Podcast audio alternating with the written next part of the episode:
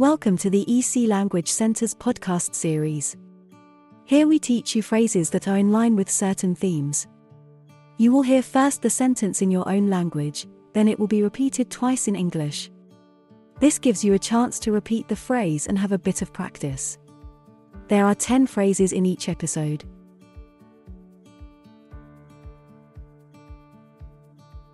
Phrases for asking directions. En yakın eczane nerede olduğunu biliyor musunuz lütfen?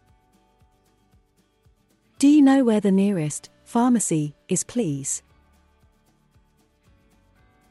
Do you know where the nearest pharmacy is, please? Yakınlarda herhangi bir yer işareti var mı?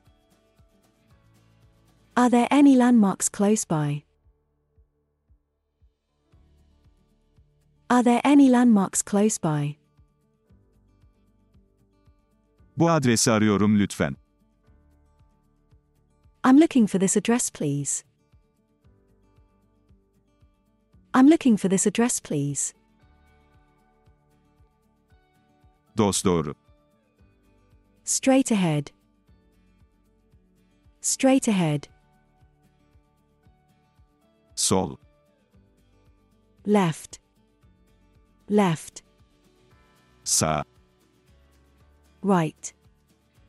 Right. Kayboldum, lütfen bana yardım eder misin? I am lost. Can you please help me? I am lost. Can you please help me?